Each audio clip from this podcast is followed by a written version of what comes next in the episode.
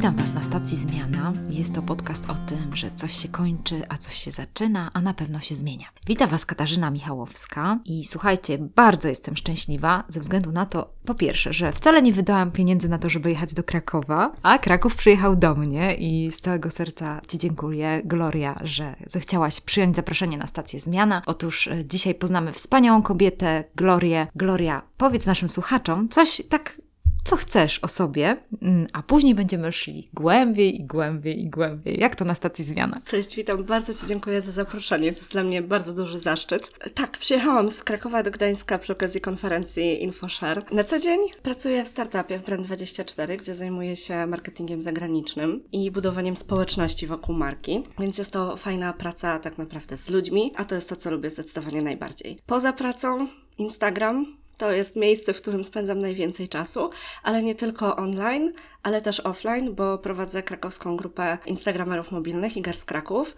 i razem spotykamy się, chodzimy, robimy zdjęcia, które później publikujemy na Instagramie. Więc znowu mamy ten aspekt taki społecznościowy, który chyba jest taki dla mnie najważniejszy. A poza tym Instagram sam jako narzędzie, które jest dla mnie bardzo ważne i tutaj też mocno działam i staram się swoją wiedzę i doświadczenie przekazywać innym. Gloria, jakbyś mi powiedziała, jak to jest? Te Twoje zainteresowania tymi social mediami, one na pewno dopiero jakoś tam się urodziły w Twoim życiu. No chciała Cię zapytać, jak, jak to poszło? Czy ty jesteś e, raczej inżynierem z wykształcenia, czy raczej humanistką, czy artystką, e, czy tym i tym? Jak to, jak to w ogóle u Ciebie przebiegało? Myślę, że moja odpowiedź dużo wyjaśni, ponieważ studiowałam socjologię. Społeczność Powinnaś być politykiem. Była... Nie powinna. Myślę, że jestem zbyt spontaniczna, żeby być politykiem. Mm. Tutaj znowu mamy ten powrót do tej społeczności, mm -hmm. który zawsze gdzieś tam jest dla mnie bardzo ważny. Ludzie są dla mnie bardzo ważni i nie ukrywam nigdy, że największą energię właśnie czerpię z kontaktu z ludźmi, z relacjami z nimi. I w momencie, kiedy zaczęłam odkrywać sam Instagram, to dla mnie też na początku było takie narzędzie po prostu, gdzie ludzie wrzucają zdjęcia. -hmm. I potem tak zupełnie spontanicznie okazało się, że tam są też społeczności, grupy ludzi, którzy się poznają, którzy faktycznie chcą gdzieś razem wyjść, spędzać ze sobą czas. I tutaj też w ogóle zabawna historia, bo kiedy odkryłam, że w innych miastach, między innymi w Gdańsku, Igarsi działają aktywnie, na jednej z grup na Facebooku zapytałam, dlaczego w Krakowie niby jest profil, ale nie działa społeczność. I wtedy odpisał w komentarzu Jarek Marciuk, który założył krakowskich Igarsów, teraz prowadzi też Igars Poland i napisał wprost, a co, chcesz się tym zająć? I ja napisałam chcę. I zaraz potem pojawił się komentarz od jeszcze jednej dziewczyny, ej, ja też chcę. Zgadałyśmy się w prywatnej konwersacji, totalnie dwie nieznajome osoby, i stwierdziłyśmy, że umówimy się na kawę i zobaczymy, czy między nami zaiskrze. No i zaiskrzyło bardzo mocno. To po prostu jest los na loterii, spotkać mhm. osobę tak zupełnie przypadkowo, z którą się tak świetnie współpracuje. I stwierdziliśmy, że spróbujemy coś z tym zrobić. I miałyśmy bardzo dużego stresa na początku, że nikt nie będzie chciał, no bo to jest dziwne. W ogóle dla ludzi to jest dziwne, żeby wyciągnąć ich z tego internetu gdzieś do świata do rzeczywistego. Mhm. E, ja też jeszcze jestem z tych osób, gdzie jak rozmawialiśmy dawniej na czacie na Onecie, czy na gadu-gadu i moja mama usłyszała, że chce się z kimś spotkać w tak zwanym realu, no to był dramat. Weź wspomnieć, że w ten sposób w ogóle poznałam własnego męża. Także. Wow, super. Wszystko, wszystko z online do offline'a i, i mocno, mocno w to wierzę. I właśnie bardzo mi zawsze zależy na tym, żeby ludzi jednak trochę wyciągnąć, żeby te mm -hmm. social media były taką przyczyną do tego, żeby można było się poznać. Mm. I taką samą funkcję też na przykład u mnie spełnia Twitter przy okazji różnych konferencji. I tak zresztą my poznałyśmy się właśnie, przecież. Tak. Te przełam, to przełamanie takich pierwszych lodów online'owych mm -hmm. jest pretekstem tego, żeby się potem gdzieś w przerwie spotkać na kawę, -hmm. a potem razem zrobić świetne rzeczy mhm. już tak naprawdę w życiu i fajne projekty projekt. To prawda. Fajny przyczynek rozmowy do tego, bo obydwie z Glorią no, jesteśmy sercem w tym samym, bo ja znowu tą społeczność twitterową moderuję i zachęcam, żeby wyszli z świata online do reala i tak samo u nas też są takie małżeństwa, gdzie już byliśmy na ślubie też twitterowym w cudzysłowie, gdzie oni poznali się przez Twittera i, i teraz są fajnym małżeństwem, więc jak widać można coś takiego zrobić, a druga sprawa tak sobie myślę, jejku, przecież jak się kończy studia i później tylko się jest w obszarze swoich znajomych znajomych z pracy, nie wiem jeszcze, gdzie można by było kogoś nowego poznać, no to to jest trudne, a jeżeli jesteśmy w tych socialach i pasje mamy podobne, no przecież to są żywi ludzie, którzy z nami korespondują. Czasami nie zaiskrzy, czasami mhm. super ekstra, naprawdę gorzmy się sobie, jeju, jacy swoi ludzie, nie? że rozmawiamy o tych samych tematach, oglądamy te same seriale, lubimy to samo, nie? Dzielimy się tymi samymi informacjami. I to jest jeden wniosek, a drugi sobie pomyślałam, że ekstra, że ty po prostu zdecydowałaś się tak zrobić to. Czy Jarek ci postawił to wyzwanie mhm. i zdecydowałaś się to zrobić. To mhm. był w ogóle taki moment, kiedy ja też miałam taki głód właśnie nowych mhm. ludzi, wyjścia z domu, też po studiach jakiś czas pracowałam w domu i właśnie wtedy też pojawia się ta potrzeba taka wychodzenia, czy, czy na różne eventy chociażby branżowe, ale też właśnie stworzenia czegoś takiego fajnego i tak się właśnie cała ta idea Igersów w Krakowie odrodziła i pojawiła i przyznam Ci szczerze, że no w tym momencie przychodzi bardzo dużo nowych ludzi też na nasze -hmm, spotkania, -hmm. ale jest taka grupa, z którą się przyjaźnimy już tak naprawdę, spędzamy z sobą urodziny, nawet wyjeżdżamy na wakacje, więc to już jest taka naprawdę przyjaźń, relacje, które faktycznie umocniły się w mhm. naszym życiu. Tak. I nie tylko, bo wiem, że też są osoby, gdzie właśnie poznały się pary, czy, czy nawiązały się jakieś przyjaźnie mhm, mhm. właśnie dzięki temu. Ja dzięki Instagramowi w ogóle też dostałam swoją pracę w Brand24. No proszę bardzo.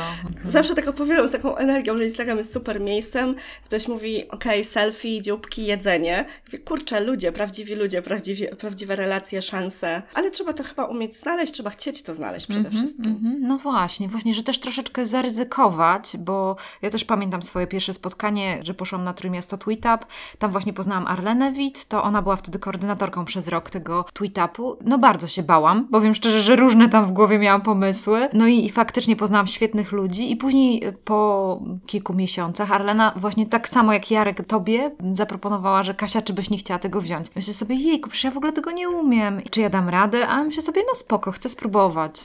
W życiu bym nie poznała takich ludzi, gdyby nie Twitter. Na przykład ciebie. To taka cenna relacja, którą mamy i myślę sobie, jejku, to jest niesamowite, że to umożliwiają nasze social media. Czasami narzekamy na nie, że żyjemy tym podwójnym życiem, że zabierają nam dużo czasu, że nas wciągają, ale tak naprawdę mogą mieć bardzo dużą wartość dodaną do naszego życia. Jak ty godzisz to? Jak wy godzicie to w rodzinie? Właśnie to, że tak jakby to twoje życie jest trochę takim życie podwójnym życiem. Kiedy wyłączasz może ten telefon, czy kiedy rezygnujesz z tego, czy raczej ciągle jesteś online? Staram się już nie być ciągle online. Hmm. Na początku wiadomo, człowiek był tym bardzo zachłysnięty, tak. tak. Chociażby właśnie praca w brandzie powodowała, że miałam taką silną potrzebę non-stop bycia, patrzenia, czy coś się nie dzieje, nie trzeba na coś odpowiedzieć. Tutaj na szczęście jak rozrósł się zespół, to te obowiązki też się podzieliły, więc każdy z nas myślę już ma teraz czas, żeby też odetchnąć. Natomiast tutaj na tym polu, czy igersowym, czy chociażby własnym, Myślę, że cały czas szukam jakiegoś złotego środka. I wiem, że czasem to jest trudne do zniesienia, chociażby właśnie dla mojego męża, ponieważ no, gdzieś tam ten telefon bzyka, pojawiają się pytania, ale postanowiłam to trochę usystematyzować. Mhm. I tak jak na przykład w weekendy z reguły jestem offline, ewentualnie coś tam czasem wrzucę, gdzieś zajrzę, ale to nie jest tak, że jestem non-stop dostępna i, i na każde zawołanie. Jeśli chodzi o mój profil na Instagramie, gdzie pojawia się bardzo dużo pytań w tym momencie o różne instagramowe aspekty, wskazówki, jakieś problemy do rozwiązania, to tutaj znowu też myślę, że już trochę przyzwyczaiłam widzów do właśnie takiej systematyczności, że jeśli w czwartek pojawia się nowy odcinek poradnika, można zadawać pytania i w poniedziałek po południu to jest ten czas, kiedy ja siadam i odpowiadam na te pytania, wrzucam to do stories, tak żeby każdy mógł to przeczytać. A tak to w ciągu tygodnia, jeżeli jest jakiś palący problem, to ok, a jeśli nie, to po prostu to wszystko sobie spokojnie czeka. No i przede wszystkim jakieś urlopy, wakacje. Tutaj bardzo sobie cenię to, że, że nie muszę reagować mm-hmm, na wszystkie mm-hmm. powiadomienia. W związku z tym oczywiście sama też wtedy dużo publikuję, jestem aktywna,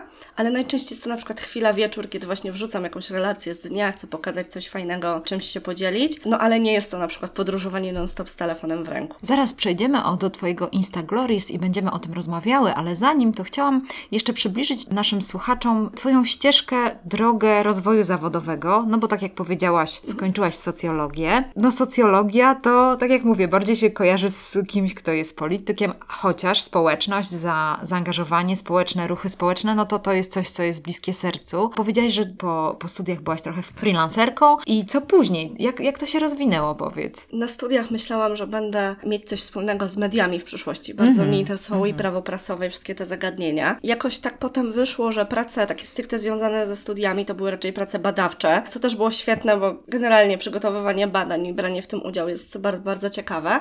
Na dłuższą metę jednak to jest dość monotonne. Przyznam szczerze, że robiłam różne rzeczy, łącznie z tym, że przez jakiś czas miałam swoją firmę i zajmowałam się rękodziełem i to mi dało największą, dawało wtedy największą radość. Na radości się to skończyło mniej więcej, w związku z tym różnie to bywało. No i potem właśnie jakoś tak się trochę pojawiły te social media. Chodziłaś wtedy na jakieś meetupy, spotkania, czy tak sama z siebie to odkryłaś, te social media? Właściwie to sama z siebie. To się mhm. stawało coraz popularniejsze. Tak. Kiedy ja studiowałam, to jeszcze rozmawialiśmy ze znajomymi na, na forach dyskusyjnych Dopiero potem był cały ten szał na Facebooka, tak. przed Twitter i Instagram w Polsce.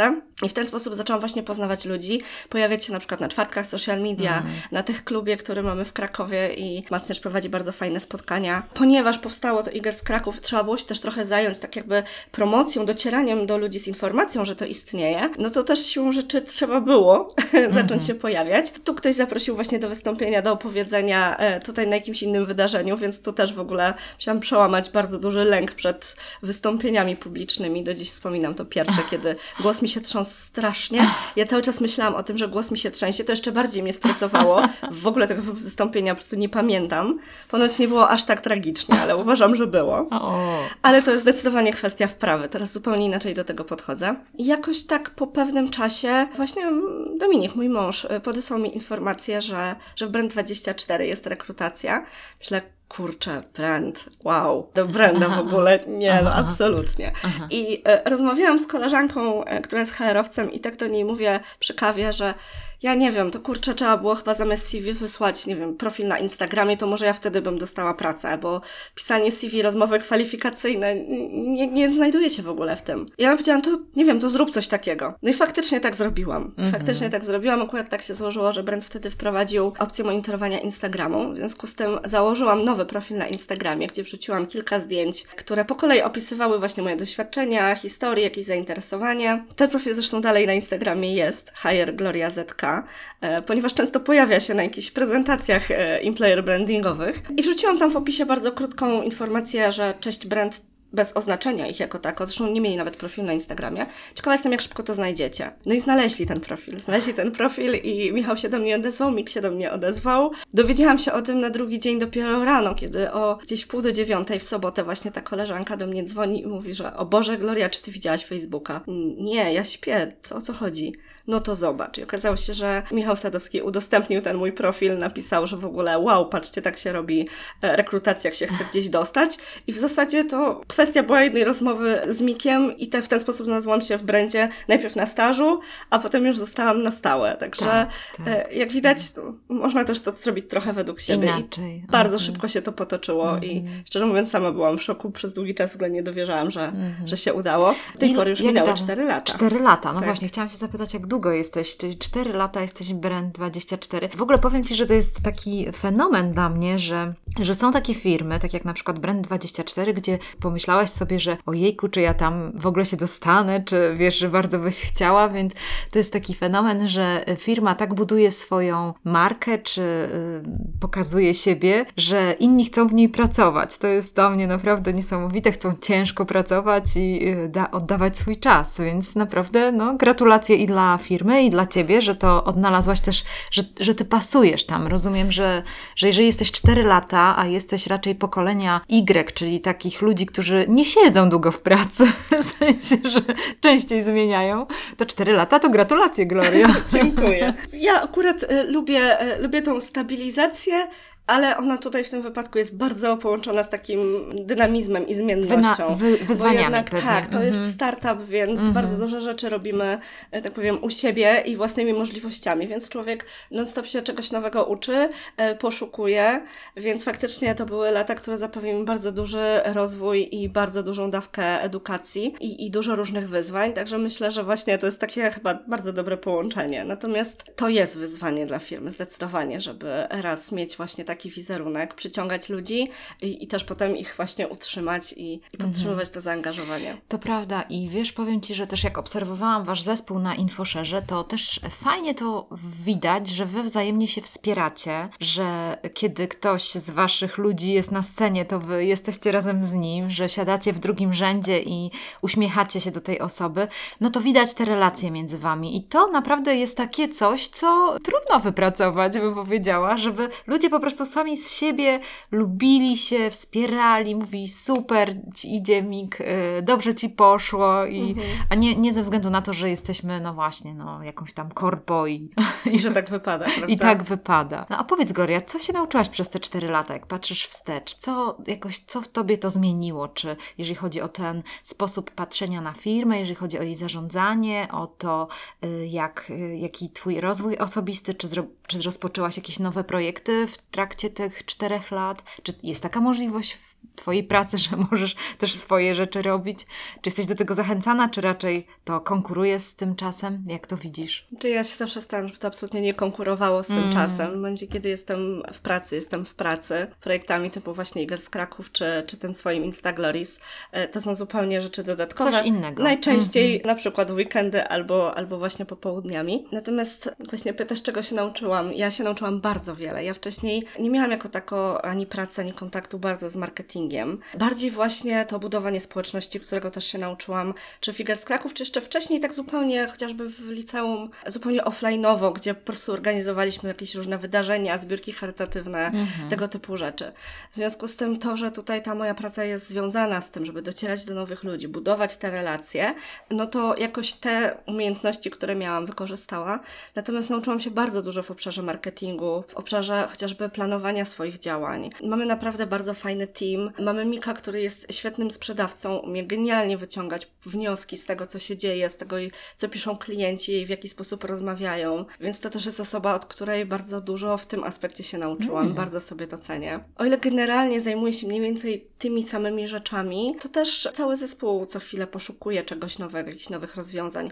Bardzo urośliśmy przez ten czas, bo na przestrzeni tych czterech lat to od niecałych 30 osób w tym momencie jest nas już na pewno dwa razy więcej, myślę, że jeszcze więcej. Mm -hmm. Weszliśmy na giełdę, to też trochę zmieniło pewne procesy w firmie, bo nie jesteśmy już powiedzmy taką grupą, która tak totalnie w pełnym szaleństwie i radości wszystko robi na co ma ochotę, ale myślę, że to też dobrze, że też wszyscy dojrzewamy i uczymy się właśnie też trochę takiego planowania, myślenia bardziej strategicznego. Myślę, że dużo jeszcze przed nami i że ten, ten rozwój też nadal będzie jeszcze postępował. Mm -hmm. I też dużo wewnątrz zespołu od siebie się uczymy -hmm. nawzajem. Każdy jest specjalistą od mm -hmm. czegoś innego, w związku z tym możemy się wymieniać tymi mhm. doświadczeniami, czy w pracy, czy właśnie też na jakichś polach dodatkowych projektów. Mhm.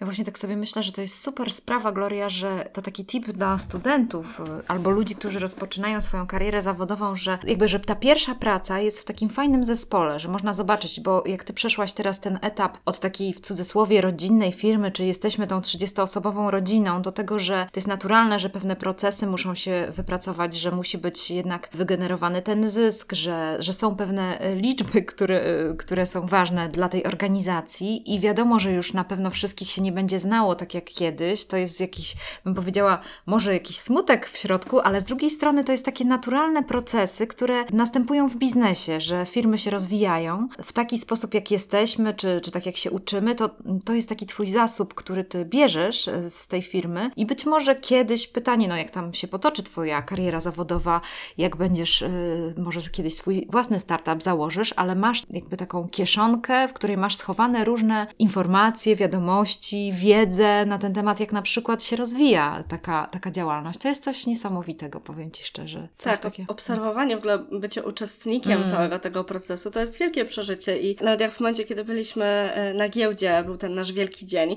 ja nie ukrywałam wzruszenia, bo no, jestem jedną z osób, które są już dłuższy czas mm.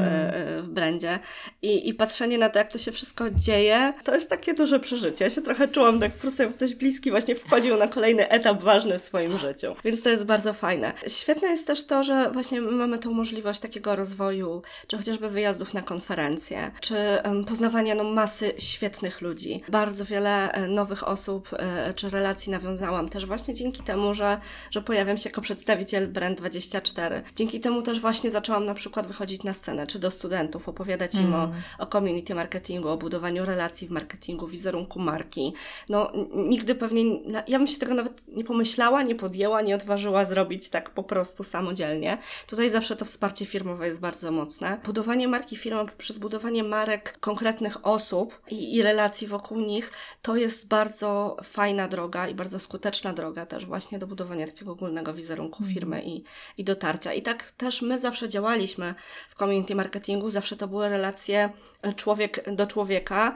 Oczywiście my zawsze gdzieś tam, na przykład, nie wiem, w bio, na Twitterze, na Kłorze, czy gdziekolwiek mamy wpisane, że pracujemy w tej firmie. Nigdy się z tym nie ukrywamy. To nie jest jakiś taki tajniacki marketing -hmm, szeptany. Mm -hmm. Zawsze mówimy, że jesteśmy przedstawicielami firmy, natomiast właśnie budujemy te relacje, czy, czy tak jak ja z e, odbiorcami, czy właśnie na przykład Magda z influencerami, to wszystko jest na takim ludzkim, fajnym poziomie. Mhm. I to ludzie to wszystko łączą, spajają i trzymają i pchają do przodu. No ciekawe, Gloria.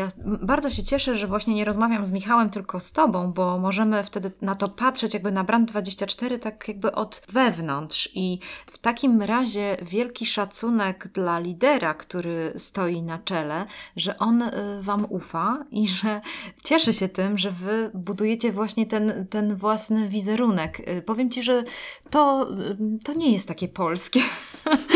wiem, ponieważ, no wiesz, wielu doradzałam firmom i wiem, jak to wygląda w środku, te nasze zarządzanie, jak bardzo się stresują liderzy firm, że ktoś zbuduje sobie markę, a później odejdzie z tą marką i, i co to będzie i tak dalej. Jakoś straci firma, więc woli już od razu powiedzieć, że nie, że koniec, tego nie możesz, tego nie możesz, tego nie możesz i, i wtedy nie ma tych, tych ludzi fajnych w pracy, nie? którzy przychodzą mhm. i, i są właśnie taką wartością dodaną. Sami z siebie tworzą różne rzeczy, więc to jest super i cieszę się, że w tej młodym wieku masz takie doświadczenie, aż Ci zazdroszczę.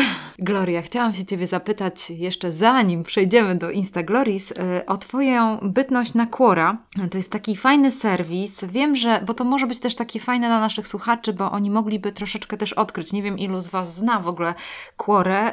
Y, ja kilka lat temu odkryłam i naprawdę widzę, jak, jak, to jest fajne, jak to jest fajne miejsce. Czy mogłabyś powiedzieć, jak wpadłaś na ten pomysł, dlaczego tam jesteś i jakby jaką masz korzyść z tego, że tam jesteś, jakie informacje dostajesz i co możesz robić? Quora to jest taka platforma pytań i odpowiedzi. I wątki, które tam są, są podzielone na kategorie. Te kategorie dotyczą absolutnie wszystkiego. Że się śmieję, że Quora ma też swoją ciemną stronę, gdzie lepiej nie zaglądać. Natomiast ja oczywiście poruszam się bardziej w tych tematach marketingowych, social mhm. mediowych, też trochę instagramowych, wszystko co związane z biznesem, startupem, e, docieraniem do ludzi, PR-em i tym podobne. Trochę tą Quorę dostałam przychodząc do Brenda, gdzie tam już powolutku gdzieś kiełkowały jakieś działania. Polega to właśnie na wyszukiwaniu przeróżnych wątków, pytań, na które ja czy y, Kuba Rogalski, który też y, ze mną no, właśnie przy Quorze pracuje mm -hmm. tak w Brendzie, możemy odpowiedzieć, możemy dać odbiorcom wartość, wyjaśnić im coś. Przy okazji, jeżeli oczywiście to jest adekwatne, też polecając nasze narzędzie, w dużej mierze te nasze odpowiedzi są po prostu odpowiedziami z zakresu marketingu, czy właśnie komunikacji, czy właśnie doświadczeń pracy w startupie. I tak jak właśnie wspomniałam wcześniej, gdzieś tam w tym naszym bio zawsze jest, że jesteśmy, mhm. jesteśmy z tej firmy i to też przyciąga do nas ludzi. Także to nie jest też tak, mhm. że jak są pytania o konkretne narzędzia, zawsze super, bo można wtedy wprost powiedzieć, że polecamy na przykład różną listę narzędzi do, do social mediów, e, w tym też nasze, ale często to są pytania, gdzie są problemy do rozwiązania, na przykład właśnie strategii wprowadzenia jakiegoś nowej firmy w social media, gdzie faktycznie czasem zdarza mi się godzinę pisać taką małą, mały zarys strategii dla kogoś z podpowiedziami dla danej branży, co by tam mógł fajnie zrobić, żeby to mu zadziałało. I takie odpowiedzi są na kurze bardzo cenione. I w ten sposób właśnie poprzez budowanie swojego profilu i tego wizerunku eksperta w danej branży, ten ruch i na profilu, i przy odpowiedziach, i koniec końców gdzieś przekładający się właśnie na firmę, na nowych użytkowników, a także na nowych klientów dla nas, to właśnie jest ta taka wartość wymierna dla firmy. E, poza tym, żeby było śmiesznie, oczywiście, no, gdzie się pojawiam, albo właściwie pojawiam się tam, gdzie jakieś społeczności są. W związku z tym od jakiegoś czasu e, raz w roku Quora organizuje taki tydzień, podczas którego zachęca ludzi do tego, żeby wyszli za komputerów mhm. i się spotkali. I właśnie w zeszłym roku, w czerwcu w Krakowie, zorganizowaliśmy taki pierwszy meetup Quorian, jak to mówimy tutaj właśnie. Bardzo ładna nazwa. E, w Polsce. Oczywiście w większości byli to pracownicy startupów, którzy bardzo silnie to medium wykorzystują właśnie do działań mm-hmm. promocyjnych, do, do budowania świadomości marki właśnie na rynkach zagranicznych, bo użytkownikami tam w dużej mierze są właśnie osoby z zagranicy. I też mogliśmy się spotkać, wymienić doświadczeniami na żywo, e, widząc się, a wcześniej znaliśmy się tylko z, z wiadomości właśnie na platformie. W tym roku też taki tydzień jest w planach, też myślę, że zorganizujemy takie spotkanie. Mam mm-hmm. Nadzieję, że frekwencja będzie równie duża i też będziemy mogli się wymienić nowymi jakimiś swoimi pomysłami, wskazówkami. Jak, jak, patrzysz na to spotkanie Quorian, czy widzisz, że Quora zaczyna żyć w Polsce, bo za, zaczęłam się interesować Quorą, to było chyba, no właśnie tak jak mówisz, 4 lata temu, tak mi się wydaje, z tego co pamiętam. W każdym razie jeszcze bardzo mało Polaków nawet wiedziało o tym, korzystało, czy wiesz, szukało informacji od ekspertów. Jak myślisz, czy to trochę rośnie, czy ludzie doc zaczynają doceniać ten serwis? Ja też też trochę jestem w takiej bańce mm-hmm. tej startupowo-marketingowej i myślę, że tutaj my też przyłożyliśmy się trochę do popularyzacji tej kłory, ponieważ i, i my na wystąpieniach, i Michał na wystąpieniach, czy Mik właśnie często mówił o tym okay. w kontekście właśnie budowania relacji, jakiegoś tam wizerunku firmy za granicą i docieraniu do osób. Stąd popularność wśród firm rosnąca w Polsce. Natomiast pamiętam właśnie na tym spotkaniu rok temu byliśmy zdziwieni, bo to było otwarte spotkanie dla wszystkich, którzy mieli ochotę przyjść, którzy po prostu udzielają się na kłorze. I były tam też osoby, które robią to zupełnie hobbystycznie. Był chłopak, który powiedział wprost, że on stojąc w kolejce w supermarkecie, czasem napisze jakąś odpowiedź, w większości czyta, po prostu chciał zobaczyć ludzi, którzy też w ogóle z tego korzystają, bo to nie jest aż tak popularne. Tak. Więc y,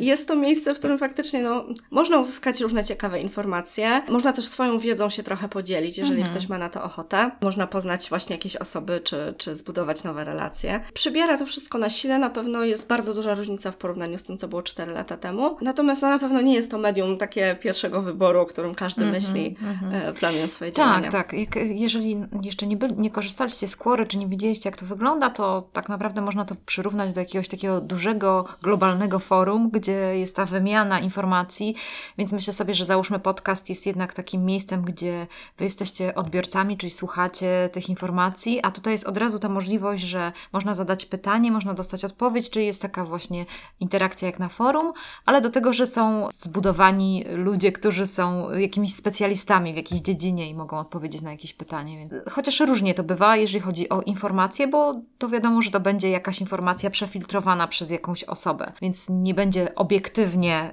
prawdą, więc trzeba, można pytać różnych źródeł. To mi się trochę kojarzy z tym, że załóżmy, jak się idzie do lekarza i masz jakąś diagnozę, to możesz jeszcze pójść do drugiego i zapytać, co on o tym sądzi. Tak, natomiast no. na kłorze właśnie zadając pytanie, odpowiedzi dostajemy od wszystkich osób, które chcą na te odpowiedzi no odpo właśnie. odpowiedzieć, mm -hmm. na to mhm. pytanie odpowiedzieć. Mm -hmm. Więc y, jest bardzo duży, różny, bardzo duży przegląd i poglądów, i doświadczeń. Mm. I, I faktycznie w tych tematach na przykład biznesowych jest bardzo dużo CEO dużych firm, którzy od czasu do czasu odpowiadają na pytania i to faktycznie są praktycznie duże artykuły pełne wskazówek i doświadczeń. E, są tematy e, takie, wiadomo, no mniejsze, mniej istotne, -hmm. ale też wypowiada się tam bardzo dużo osób z danej branży. W związku z tym też można zobaczyć, są trendy, tak, albo powszechne opinie na dany temat, albo właśnie na przykład, jakie narzędzia są najpopularniejsze do zrealizowania celu, który sobie mm -hmm, postawimy i o który mhm. zapytamy. No, świetne miejsce dla startupów, super.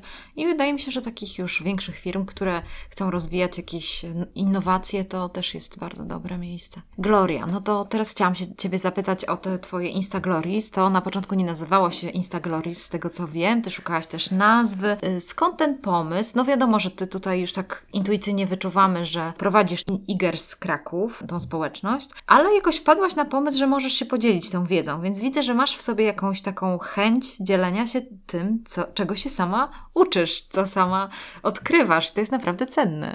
To chyba tą chęć też właśnie ta kłora we mnie wyrobiła, bo faktycznie hmm. okazało się, że odpowiadając na pytania, dając coś z siebie, ludzie są za to wdzięczni w swoją wiadomości, dziękują, cieszą się, że ktoś w ogóle zwrócił uwagę na ich problem. Tym całym cyklem Instagloris to zaczęło się od tego, że ponieważ od jakiegoś czasu też występuję publicznie na różnych konferencjach, czy prowadzę warsztaty otwarte, zamknięte, jakieś szkolenia, konsultuję też e, indywidualne osoby, jakieś małe firmy, czy chociażby na przykład fundacje, które zawsze są też bliskie mojemu sercu i bardzo się cieszę, jak mogę z jakąś współpracować. Właśnie w aspekcie tego, jak poruszać się po Instagramie, od bardzo podstawowych rzeczy, bo często są to osoby, które, których to jest pierwszy kontakt z tym medium, po bardziej zaawansowane techniki dotarcia, wykorzystywania algorytmu na swoją korzyść, poruszania się w tym sprawnie, po ścieżce, która doprowadzi do jakiegoś wyznaczonego celu. I zawsze to były takie rozmowy, które były w wąskich gronach, albo właśnie jeden na jeden, czy na jakichś niewielkich konferencjach. No i z czasem, kiedy dostawałam feedback i okazało się, że to faktycznie są pomocne rzeczy, bo tak jak mówisz, no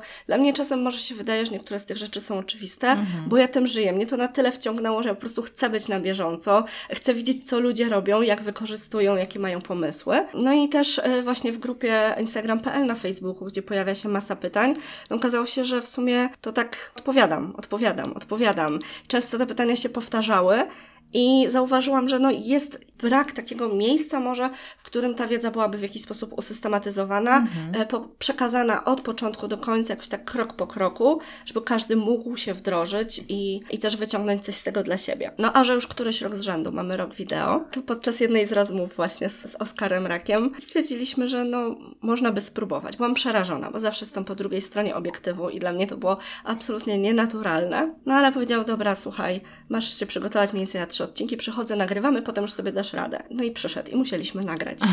I założenie było takie, że to musi być jakaś regularność, w związku z tym cykl pojawia się u mnie na profilu na Instagramie, w stories, w każdy czwartek po południu. No więc jak się zbliżał już ten trzeci odcinek, no to musiałam zacząć myśleć, co dalej, co dalej? i zacząć realizować tak. to sama. No i faktycznie na początku metodą bardzo małych kroków, od nagrywania gdzieś tam w sypialni przy ścianie przed nią e, kamerą w telefonie, potem już odważyłam się odwrócić telefon, nie musieć patrzeć na siebie przez cały czas, po to, że w tym momencie kolejny krok naprzód, czy wyjście do innego pomieszczenia, gdzie już jest jakaś głębia za mną i podobno lepiej to wszystko wygląda. Też tutaj Oskar bardzo dobrze mnie motywuje i coachuje w tym, tak krok po kroku, że ja też czuję właśnie, że się rozwijam, zdobywam nowe umiejętności. Więc to, to, to jest znowu takie kolejne wychodzenie mm -hmm. trochę poza granicę komfortu, ale feedback, który otrzymałam od ludzi, był niesamowity. Byłam nastawiona na to, że na początku znajomi poklepią po, po plecach i powiedzą, słuchaj, no fajnie, fajnie, że robisz w ogóle super, ale okazało się, że bardzo dużo osób, których zupełnie nie znam, zaczęło odpisywać, mówić o tym, że no niby wiedzieli, ale znowu złapali jakąś fajną wskazówkę, o której nie mieli pojęcia. Zadawać pytania. Ja oczywiście mam bardzo długą listę różnych tematów do obgadania przygotowaną. Myślę, że na najbliższy rok przynajmniej, ale non stop pojawiają się i nowości w, na samym tak, Instagramie tak. i zmiany.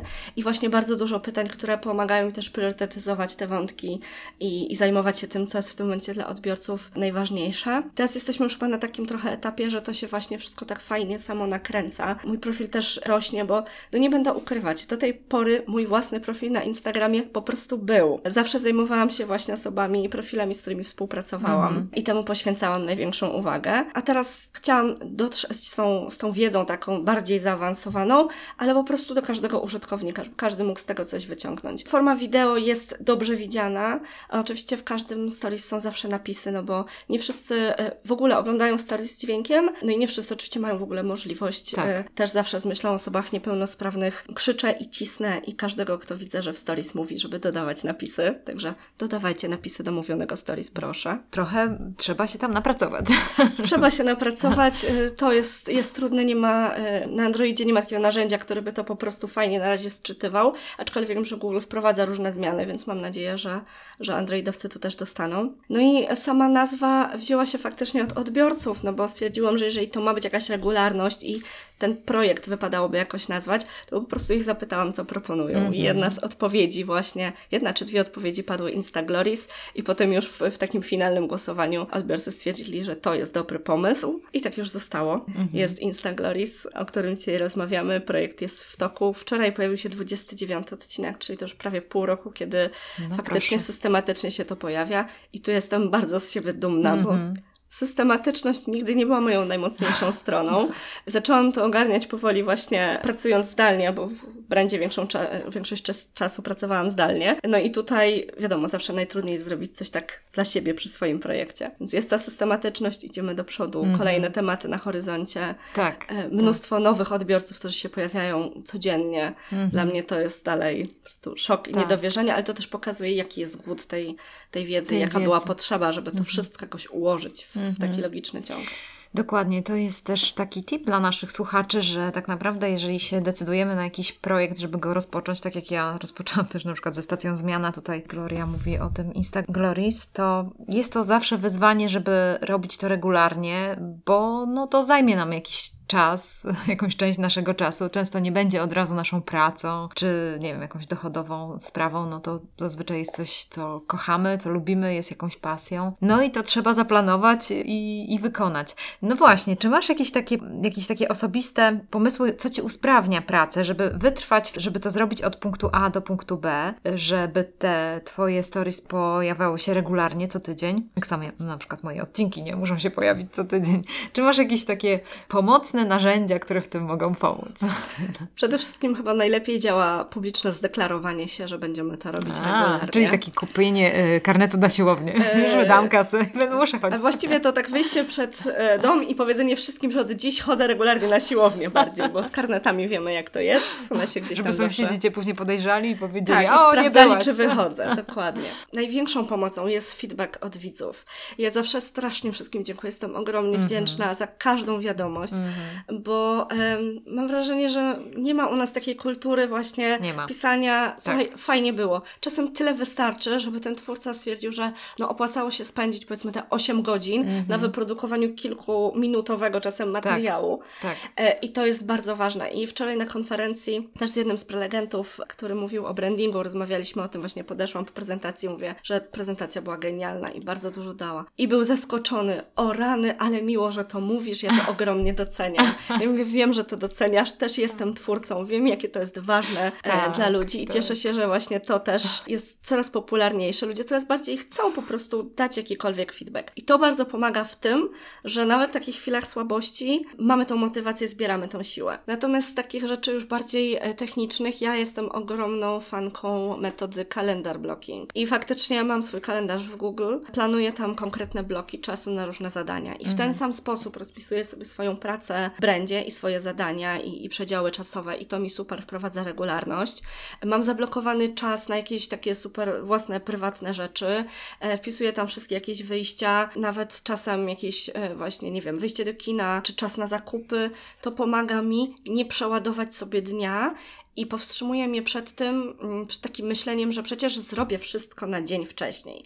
No nie zrobię, a w momencie jeszcze, kiedy tutaj dochodzi technologia, to jest praktycznie pewne, że raz na jakiś czas coś się wysypie, tak? Czy program do montażu nie zadziała? No tutaj w przypadku Instagrama, Instagram też lubi mieć błędy i czasem trzeba było coś wrzucać dwa razy i spędzić na tym godzinę mm, zamiast 15 minut. Poza tym, no też różne rzeczy się po prostu w życiu wydarzają, więc tutaj ten, ten kalendar blocking to jest rzecz, która mi bardzo pomagał systematyzować pracę. Poza tym, no oczywiście odcinki z datami, jakieś tematy. W tym momencie mam już to wszystko w Excelu najzwyklejszym mm -hmm. rozpisane, mm -hmm. po to, żeby sprawnie przeplatać żeby mieć kontrolę nad tym, co już było. Na początku to tak zupełnie miałam ochotę o czymś opowiedzieć i to, to było realizowane. No w tym momencie muszę już pamiętać, co się pojawiło. Często właśnie w odcinkach pojawiają się odwołania do poprzednich odcinków, gdzie można jakiś temat poszerzyć, więc no na pewnym etapie ja też przestanę to sama w głowie ogarniać. W związku mm -hmm. z tym mhm. tutaj, mm -hmm. tutaj to notowanie. Oczywiście Chrome otwarty z kilkoma oknami, w każdym po milionie zakładek. To jest rzecz, której nie polecam i w której mam poorganizowane w swoim chaotycznym systemie. Na przykład właśnie inspiracje jakieś do odcinków, fajne przykłady, które mogę pokazać, czy case'y, które mogę omówić. No ale zdecydowanie właśnie ten kalendarz to jest coś, no i to zobowiązanie. Mnie bardzo pomaga też to, że odkąd pojawiła się w Instagramie ta naklejka, gdzie odliczamy do konkretnego wydarzenia. Mhm. Zachęcam wszystkich, żeby włączali te przypomnienia. No i jeżeli ktoś ma ustawione i będzie dostanie przypomnienie w czwartek o 18, że jest odcinek, no to on musi być. Nie można go nie dowieść. No tak. Czasem tak. wiąże się to z tym, że trzeba szukać szybko gdzieś jakiegoś miejsca, gdzie jest Wi-Fi albo lepszy internet, ale do tej pory, nawet podczas urlopu zimowego, który spędziłam offline, tę chwilę przygotowany odcinek zmontowany zawsze znalazłam, mhm. więc to jest ten czas, który widzę w kalendarzu. Nie, nie umawiam się wtedy, także e, w czwartki po południu z reguły nie wychodzę ze mhm. znajomymi, tak. bo jestem, a potem znowu przychodzą odpowiedzi na te stories, też mhm. staram się poświęcić czas odbiorcom, podziękować im za ten feedback, więc to jest ten czas zarezerwowany, mhm. tak jak mam zarezerwowany czas na właśnie na przykład napisanie mhm. jakiegoś odcinka, zaplanowanie rzeczy, rozstawienie e, sobie telefonu, bo nagrywam telefonem, czy właśnie zabukowanie czasu, który jest potrzebny mm. na zmontowanie tego wszystkiego. Tak, tak. Właśnie ostatnio pisałyśmy ze sobą na Instagramie. Byłam ciekawa, ile czasu Ci to zajmuje przygotowanie takiego odcinka na tydzień. Jak oceniasz, ile to jest godzin? W tym momencie jest mi trudno powiedzieć. Mm-hmm. Na samym początku, kiedy uczyłam się, bo absolutnie wcześniej nie miałam w ogóle związku z żadnym programem do montażu. Mm. Dla mnie to wszystko było bardzo nowe. Nie umiałam się w tym poruszać. Do tej pory, jak obrabiałam, to z reguły tylko zdjęcia. Tutaj jest zupełnie inaczej. To w takim e, chyba najgorszym momencie, no to wyliczyłam, że to jest takie 8 godzin pracy. Mm -hmm, to była taka mm -hmm. cała mhm. sobota poświęcona na to, żeby, żeby to wszystko domknąć. Jeszcze wtedy dopisywałam też ręcznie na Instagramie napisy właśnie, e, żeby, żeby ten tekst był, żeby nie można było obejrzeć bez dźwięku. W tym momencie myślę, że idzie to trochę sprawniej, a przede wszystkim no nie jest to już taki blok 8-godzinny, gdzie siedzę i, i mm. jestem w, na ty, w tym jednym temacie, bo to też wyczerpuje i bardzo szybko. Tak, tak. Tylko mam to porozkładane gdzieś tam w jeden wieczór pół godzinki na coś tam, w drugi godzinkę na coś tam. Mm -hmm, mm, więc idzie to wszystko sprawniej. Uczę się z YouTube'a, jak montować filmy, jak sobie tam poprawić światło. Na szczęście, no, na potrzeby stories nie musi to być materiał, Idealny. który jest jakiś mm -hmm. super żyletą, mm -hmm. ale też staram się przede wszystkim, żeby to było w dobrym tempie, konkretnie, bez ozdobników jestem gadułą, słychać, więc staram się siebie ograniczać do tych kilku minut konkretnych informacji i też mhm. widzę, że widzowie są za to wdzięczni. A piszesz sobie jakiś scenariusz, jak y, wypowiadasz te kwestie? Czy masz jakieś w punktach to w głowie jakoś ułożone? Jak to robisz? Początkowo to były właśnie punkty takie dość ogólne, o czym chciałam opowiedzieć. W tym momencie staram się właśnie znaleźć czas, żeby siąść i spróbować to napisać, ponieważ też już widzę po stronie w doksie mniej więcej gdzie jestem, ile mam jeszcze czasu, bo wiem jak to się potem przełoży na czas odcinka. Poza tym bardzo się przydaje to, żeby mieć ten materiał właśnie po to, żeby znaleźć w którym poprzednim odcinku o czymś tam wspominałam albo pokazywałam na przykład tak, tak. tutorial do włączenia mhm. jakiejś opcji. Mm, także dobrze to mieć. E, może z czasem one się też po prostu pojawią gdzieś tekstowo na, na stronie. Mhm. Zobaczymy jeszcze na razie o tym tak, Myślę tak. tak. bardzo ogólnie, najważniejsze jest to wideo, ale to właśnie pomaga też usystematyzować sobie tą wiedzę, mhm. bo wbrew pozorom, jeżeli e, się interesujemy, jesteśmy na bieżąco, to chyba największy chaos jest właśnie w naszej głowie. Mhm. Mnie to bardzo też pomaga wszystko, cały ten, cała ta seria, uporządkować to, co się dzieje. I też mam wrażenie, że od tej pory i szkolenia, które prowadzę, i, i moje wystąpienia też są lepsze, mają lepszy chociażby przebieg logiczny, mhm. e, są do celu, nie są zbiorem wskazówek, tylko jest jakaś formuła i tutaj bardzo właśnie ta, ta seria Instagloris mnie pomogła też na tym polu się rozwinąć. Tak, tak, właśnie tak sobie myślę, jak mówisz o tym spisywaniu tych tekstów, że to jest możliwość, żeby gdzieś je opublikować na przykład, to jest jedna z rzeczy, albo może te filmy gdzieś, jakieś inne medium wrzucić. Myślałaś o tym, żeby to jakoś rozwinąć w inne strony? Tak nie y, patrzyłaś na tą strategię rozwoju tego kanału? Myślałam mhm. o tym właśnie ostatnio, teraz majówkę trochę czasu spędziłam nad tym, żeby pomyśleć, co zrobić z tym wszystkim, wszystkim, ale właśnie bardziej pod kątem dostępności. Nie patrzę przez, na cały ten projekt jakoś przez pryzmat, wiesz, nie wiem, biznesu, mhm. czy właśnie, jak mówiłaś, nie wiem, firmy, którą chciała założyć. Nauczyłam się podczas pracy w brandzie, że właśnie dawanie od siebie, dzielenie się wiedzą, doświadczeniem, pomaganie innym osób najfajniej działa i w przypadku budowania marki. W związku z tym to jest dla mnie priorytet i myślałam o tym właśnie, żeby dostępność tych materiałów była jakaś większa. Zawsze na pewno Instagram i Insta Stories będą najważniejsze i to tam będzie się działo wszystko na samym początku. Natomiast w jakiejś takiej dalszej perspektywie, tutaj właśnie Oskar, o którym wcześniej mhm. wspominałam, mówi, słuchaj, może jakiś tam YouTube byś pomyślała, bo wiesz, to zawsze Google, bo no, mhm. Instagram jest takim trochę martwym końcem. Te materiały nie są wyszukiwalne w żaden sposób. To Insta Stories Stories. Na zasadzie poleceń jednych użytkowników, e, tak. którym się to podoba, oni udostępniają informacje, przychodzą następne osoby. Trochę też właśnie w grupie na Facebooku ludzie wiedzą, że to tworzę, więc czasem podrzucają już sami nawet tam linki do odcinka. Nie pytaj się, tylko obejrzyj te trzy minuty, będziesz wiedzieć. Więc to jest też super, super miłe. Więc myślę, że no fajnie byłoby coś takiego zrobić, żeby to w innej formie też było i tak bardziej na stałe, żeby też łatwiej móc ludziom chociażby to udostępniać, niż mm. mówiąc, że to jest gdzieś tam przypięte w mhm, stories. Mm, mm, Natomiast Instagram zawsze będzie tutaj numerem jeden, Numer jeden. i będzie miał pierwszeństwo. No, to pytanie jest, jak, jak będzie w tym ogródku, wiesz, no bawimy się w cudzych ogródkach, ja na Twitterze, ty na Instagramie i ten, ten ogródek może w pewnym momencie w ogóle zupełnie inaczej wyglądać. Kiedyś moim ogródkiem był Snapchat, ja uwielbiałam Snapchata i dlatego powiem Ci szczerze, trochę jak pies dojeżdża, podchodzę do tego Instagrama, no lubię, lubię, ale mam jakąś pretensję, że, że ubili Snapchata, to po prostu życie. To jest jednak bawienie się tak. Cudzym świecie, nie? A twoja wiedza jest y, fajna, nie? To lubisz pokazywać, lubisz opowiadać, a też z drugiej strony,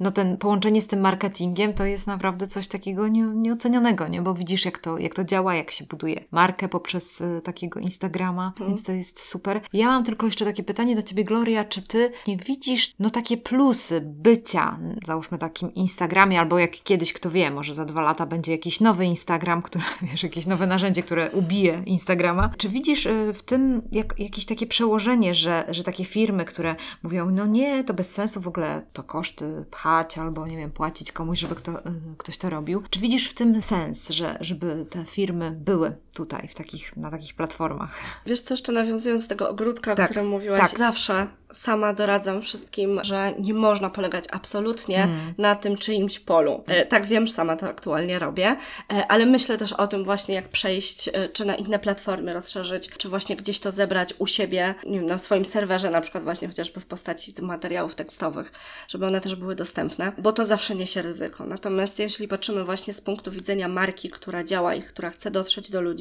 no to pójście za tymi falami popularności różnych mediów społecznościowych, no jest nieuniknione. Instagram od dłuższego czasu jest już na tej fali wznoszącej. Coraz mhm. więcej marek chętniej wydaje pieniądze, czy na działania płatne, czy też na działania organiczne, które dają re świetne rezultaty. Natomiast no, też koniec końców wiążą się z kosztami, bo chociażby ktoś musi się tym zająć, ktoś musi przygotować zdjęcia, opisy, ktoś musi zajmować się tą społecznością, tworzyć materiały, więc to też firma ponosi jakieś koszty z tym związane. Natomiast myślę, że absolutnie warto być. Pewnie no, nie w każdej branży, chociaż jakby się uparł, to, to każdy może wymyślić jakąś swoją oryginalną drogę i chociażby zabłysnąć tym, że właśnie robi coś zupełnie inaczej i, mhm. i przełamuje konwenanse. Natomiast bardzo dużo ludzi tam jest z takich grup docelowych, właśnie decyzyjnych, osób, które też pracują, traktują to troszeczkę jako oderwanie od pracy, ale śledzą chętnie marki. Instagram sam dzieli się badaniami, w których e, mówi o tym, że większość osób, które kontaktują się, czy spotykają w ogóle jakąś markę w Instagramie czy w Insta Stories, chętniej potem sami tą markę wybierają, chociażby jeżeli to ma być zrobienie jakiegoś researchu, gdzie można coś kupić, oni po prostu pamiętają, więc jeśli chodzi o budowanie świadomości marki, to to jest bardzo dobry sposób na to, żeby dotrzeć i żeby, żeby zaistnieć. Natomiast zawsze trzeba mieć wyznaczony cel. Obojętnie jakiego działania marketingowego się nie podejmujemy, tak samo tutaj na Instagramie warto na początku ustanowić sobie ten cel, bo od tego też zależy, jakie kroki podejmiemy, od tego zależy, jakie wskaźniki będziemy mierzyć i analizować i które dla nas mhm. będą najważniejsze i które będą mówić o tym, czy ten cel jest realizowany, czy nie. Oczywiście on się też może zmieniać w czasie, to się wszystko może przekształcać, mhm. ale te działania muszą być jakieś świadome, zorganizowane. No i super, jeżeli są systematyczne, bo tutaj budując właśnie takie zaufanie, budując e, tą systematyczność, dając do zrozumienia ludziom, że zawsze mogą liczyć na przykład na jakąś porcję czy wiedzy, czy, czy świeżych informacji. Oni też, nawet jeżeli gdzieś tam im coś umknie, gdzie nie wiem, spadniemy trochę niżej w kolejności -hmm. widoczności postu, to nie będą kojarzyć, że to jest ten dzień, gdzie przecież z reguły się coś pojawiało. Sami do nas przyjdą, sami -hmm. będą wchodzić, więc Tutaj ta tak, systematyczność tak. też jest ważna. Zgadza się. To tak sobie to wyobrażam, że albo jeżeli ktoś chce robić to, nie wiem, budować markę, załóżmy i swoją marką osobistą wspierać tą markę, albo ktoś chce swoją osobistą markę budować, to wszystko jest też w zależności od tego celu. By trzeba było tutaj się odnaleźć e, na tym Instagramie lub na innych poletkach, tak jak mówisz, poszukać tego miejsca. No nie wiem, Gloria, czy tak jak patrzysz na, na ten rozwój, no tak jak mówisz, Instagram jest na, na fali wznoszącej, no teraz tu się pojawia TikTok, TikTok, tam marketingowcy tam patrzą, czy tam można coś, coś sprzedać. Jak myślisz, w którym to kierunku pójdzie? Czy tak wyobrażasz sobie, jak będzie wyglądało nasze życie za pięć lat w tym wszystkim? Chociaż może my już nie będziemy wiedzieli, nie będziemy ogarniali tego wszystkiego. Faktycznie, bardzo dużo się zmienia i to tempo zmian też jest mm. bardzo duże mm -hmm. i to jest mhm. przytłaczające. I przyznam szczerze, że przez długi czas ja się tak tego Instagrama trzymałam, bo on szedł do przodu też trochę wolniej niż Facebook. Łatwiej było wszystko to ogarnąć. Teraz te zmiany też są już bardzo szybkie. Na szczęście jakoś jeszcze nadążam za tym, więc zawsze jestem na bieżąco i staram się dzielić świeżymi informacjami. Ale zauważam tendencję, która pojawia się na przykład na konferencjach branżowych już tak naprawdę od lat, ale na przykład tym razem pojawiła się w bardzo fajnym zestawieniu z zupełnie czymś przeciwnym. Mam na myśli takie właśnie ludzkie podejście, budowanie prawdziwych relacji i prawdziwych więzi. Teraz mówiliśmy o tym mocno e, na konferencji w zestawieniu ze sztuczną inteligencją i automatyzacją. Janek Zając z Sotrendera mówił o tym, że no, część pracy chociażby marketingowców zostanie absolutnie zastąpiona przez algorytmy mm -hmm. i sztuczną mhm. inteligencję, ale te osoby, które pracują z ludźmi, budują relacje, budują więzi, będą niezastępywalne. -hmm. I myślę, że wszystko powoli zmierza w tym kierunku. Patrząc na przykład na konferencję e, Facebooka ostatnią i o tym, jakie plany ma Facebook na stworzenie tych mniejszych miejsc, grup, gdzie ludzie mogą ze sobą rozmawiać w bardziej komfortowej, kameralnej, takiej bezpieczniejszej atmosferze, to myślę, że znowu z mediów społecznościowych jako miejsca, gdzie każdy może nadać swój komunikat do wszystkich i przy okazji uważa, że na pewno wszystkich to interesuje, znowu wracamy do takiego miejsca, gdzie możemy właśnie spotkać ludzi, zbudować relacje, więzi. I też nawet przy tych działaniach instagramowych zawsze trzeba mieć z tyłu głowy gdzieś ten cel, koniec końców wyciągnięcia ludzi, obojętnie czy chcemy ich wyciągnąć stamtąd do naszej restauracji, żeby u nas zjedli, czy do naszego sklepu, żeby u nas kupili, ale możemy też właśnie zrobić dla nich różne dodatkowe atrakcje, spotkania po prostu na przykład fanów danej marki, czy tematu właśnie konkretnego profilu na Instagramie, po to, żeby móc ich poznać, dać im coś o, od siebie i pomóc im budować ze sobą więzi i relacje. I poprzez to właśnie umacniać tą pozycję naszej marki, obojętnie czy to jest marka osobista, czy to jest mhm. firma, czy, czy na przykład właśnie fundacja, umacniać ten wizerunek w ich głowach i być tym pierwszym wyborem, czy właśnie pierwszym skojarzeniem, kiedy rozmawiają z kimś na jakiś temat. Bardzo podoba mi się to, że jest ten mhm. nacisk taki mocny na te relacje, na to ludzkie podejście.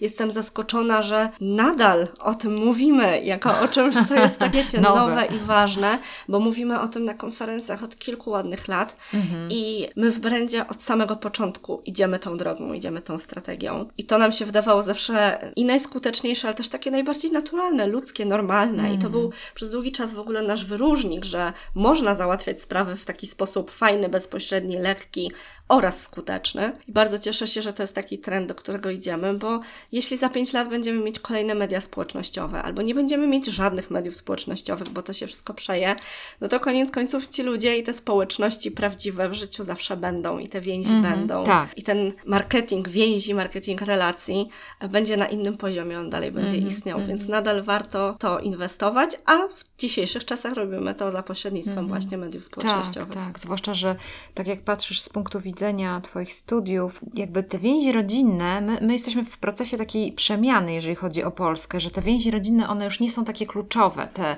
te spotkania rodzinne, bo kiedyś to było tak, tak to sobie wyobrażam, że rozumiesz, idziesz do pracy, no tam są jakieś tam relacje w pracy, później wracasz, ale to wszystko się odbywa w domu. Uczymy się w domu od babci, od, od cioci, gotowania i tak dalej, a tutaj jest taka sytuacja, że my jakby jesteśmy w, te, w tej takiej społeczności, więc możemy teraz czerpać z tych relacji społecznych, czy stworzonych relacji e, takich online, co, co jest może jeszcze jakby ktoś, kto myśli po staremu, że to jest dziwne, nie? Ale to nie jest dziwne, to po prostu jest zaspokojenie potrzeby ludzkiego serca, poznawania drugiego człowieka, otwartości na drugiego człowieka, pogadania, popatrzenia w oczy, spotkania się, więc tutaj fajny trend, więc mam nadzieję, że, że tak to będzie wyglądało, że tak to będzie wyglądało, że nie będziemy rozmawiać z botami, tylko z, z żywymi ludźmi. Taką miałam też myśl i po rozmowach, po wywiadach na InfoShare, że, że jeżeli będziemy te prace, które są tak jak w cudzysłowie w tej fabryce Forda, zastąpione przez sztuczną inteligencję, czyli ta taka praca, która nas czasami męczy, taka nietwórcza, tylko odtwórcza, mhm. czyli takie y, ona, ona zostanie zastąpiona przez sztuczną inteligencję, to może będziemy mieli więcej czasu, żeby tworzyć relacje, żeby rozmawiać z ludźmi, żeby się z nimi spotykać, bo na to zawsze jest za mało czasu. Zobacz, na co ludzie narzekają. Nie mam czasu na, na spotkanie z przyjaciółką, nie mam czasu na y, kawkę, nie? Tak. To, i, I to jest właśnie to, że mam nadzieję, że wtedy to pozwoli, że będziemy mieli więcej czasu na spędzenie czasu z dziećmi, z mężem, z, ze znajomymi, nie? Też na to mhm. liczę. Zawsze właśnie patrzyłam na media społecznościowe przez pryzmat takiego punktu wyjścia do tych -hmm. spotkań, do poznawania -hmm. ludzi. I osoby, które poznałam w swoim życiu, no myślę, że nie miałabym szansy z nimi nigdy porozmawiać, gdyby nie media społecznościowe. Pewnie też nie miałabym wtedy jakiejś poczucia e, braku tego, tak, czy, stracenia, czy straty. to prawda. Ale naprawdę, no, no tyle fantastycznych osób, tyle cudownych przeżyć, momentów, spotkań, które właśnie zawdzięczamy temu, że poznaliśmy się gdzieś tam online. Myślę, że tutaj też ważne jest to, żeby edukować w jaki sposób mądrze z tych mediów społecznościowych Mhm, korzystać, bo oczywiście no, można zrobić, tak jak z nożem, można zrobić wszystko, wykorzystać go w dobry sposób I w e, albo i w zły sposób, więc to wszystko od nas zależy. Też myślę, że właśnie te takie procesy pracy każdego z nas są, które można byłoby jakoś zautomatyzować i każdy z nas też próbuje je jakoś automatyzować, Tak. chociażby łączyć w bloki zadaniowe, że jak już za przeproszeniem coś tam klepię, to sobie jeszcze to klepnę, a potem na przykład wykonam telefony, wyjdę, załatwię. Mhm, I to jest też naturalne, więc jeżeli technologia nas w tym e, może wspomóc, to, to nie widzę też problemów, żeby z tego nie korzystać. No i liczę tak po prostu po ludzku, liczę na, na powrót do tych więzi i do, Mhm. i do tego liczę na to, że będziemy bardzo też szanować swój własny czas, Mhm. bo bardzo mamy duży szum medialny, szum informacyjny. Mhm. Jeżeli ktoś już poświęca nam te kilka minut, żeby zapoznać się z naszym przekazem, z tym, co chcemy mu powiedzieć, to musimy to uszanować, musimy mu za to podziękować, ale musimy posz- uszanować ten czas i faktycznie dowieść mu to, czego oczekuje. W, w jakiejś syntetycznej formie, tak, żeby ta osoba nie miała poczucia zmarnowanego z nami Tak, czasu. tak. No bo sami też tego nie chcemy, Mhm, tak? mhm. Sami wiemy, co nam odpowiada, czego, co lubimy, co nie, czego nie lubimy. I w ten sposób też na przykład ja się staram działać. W ten sposób staram się chociażby traktować swoich odbiorców. Bo to, że ktoś poświęca nam swoją uwagę, to w tym momencie jest naprawdę największa gratyfikacja i bardzo, bardzo duże wyróżnienie. Gloria, bardzo Ci dziękuję za rozmowę i się rozmarzyłam, e, bo pragnę bliskich relacji i tych głębokich rozmów. To jest naprawdę coś, co bardzo lubię i wtedy tak jakoś powraca mi ta wiara w ludzi, wiesz? Wtedy wiem, że Ty też jesteś idealistką, tak jak ja i marzycielką i po prostu. Więc zachęcamy naszych słuchaczy, żeby sobie pomyśleli teraz o jakiejś osobie, mają wyrzuty sumienia, że już dawno się z nią nie widziały i żebyście sobie zaplanowali ten czas, wpisali w kalendarz, w ten blog, że zadzwonicie, umówicie się i się spotkacie i spędzicie fajny czas na pogaduchach, jak tak my teraz z Glorią. Dziękuję bardzo za uwagę i zachęcam Was do podawania dalej, jeżeli Was ta treść zainteresowała. Też możecie polecić komuś ten podcast. Dziękuję bardzo za uwagę. Dziękuję Gloria, że byłaś z nami. Dziękuję za zaproszenie, było mi bardzo miło.